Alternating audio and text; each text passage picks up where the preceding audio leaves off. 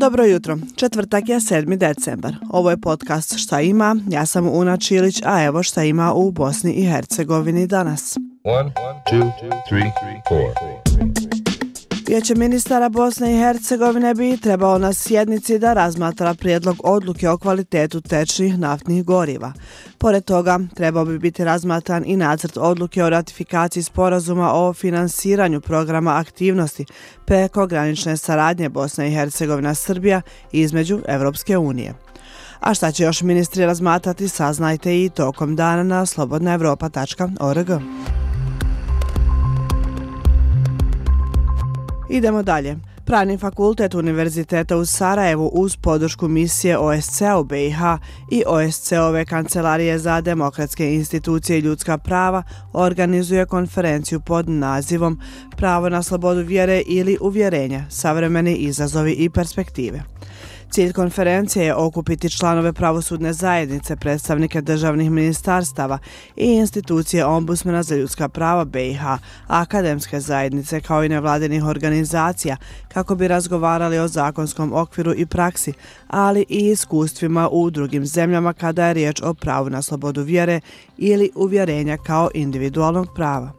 Amila Straka Imamović, viša asistentica Pravnog fakulteta u Sarajevu, kaže da pravo na slobodu vjere ili uvjerenja predstavlja jedno od osnovnih ljudskih prava, garantirano nizom konvencija. Mi živimo period tranzicijske iz socijalističke pravne kulture u evropsku pravnu kulturu, kada ni građanima, ali ni onima koji imaju poluge vlasti, niti nosiocima pravosudnih funkcija nije jasno kada je pravo na slobodu vjere moguće ograničiti.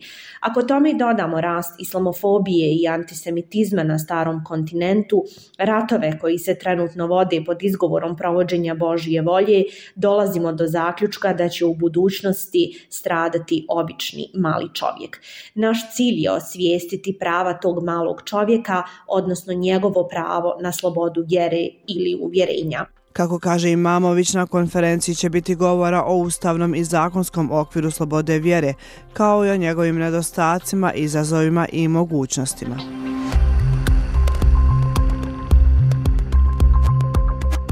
A u Mostaru danas peti dani nauke.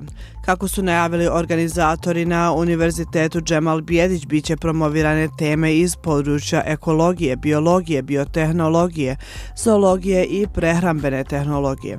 A cilj dana nauke, kako kažu, je da njeguje i jača osnovne akademske vrijednosti kao što su istraživački integritet, saradnja i dijeljenje znanja, kako bi naučno istraživanje i njegovo širenje bilo dostupno svima.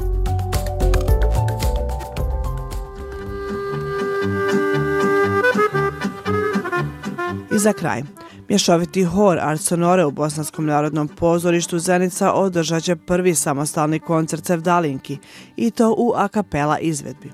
Dirigent hora Said Jusić kaže da će izvest 16 Sevdalinki. Pa eto, ako vas zanima, pravac Zenica. One, two, three, To je ukratko od mene za danas. Sretan ostatak dana. Čujemo se neki drugi put. Ćao.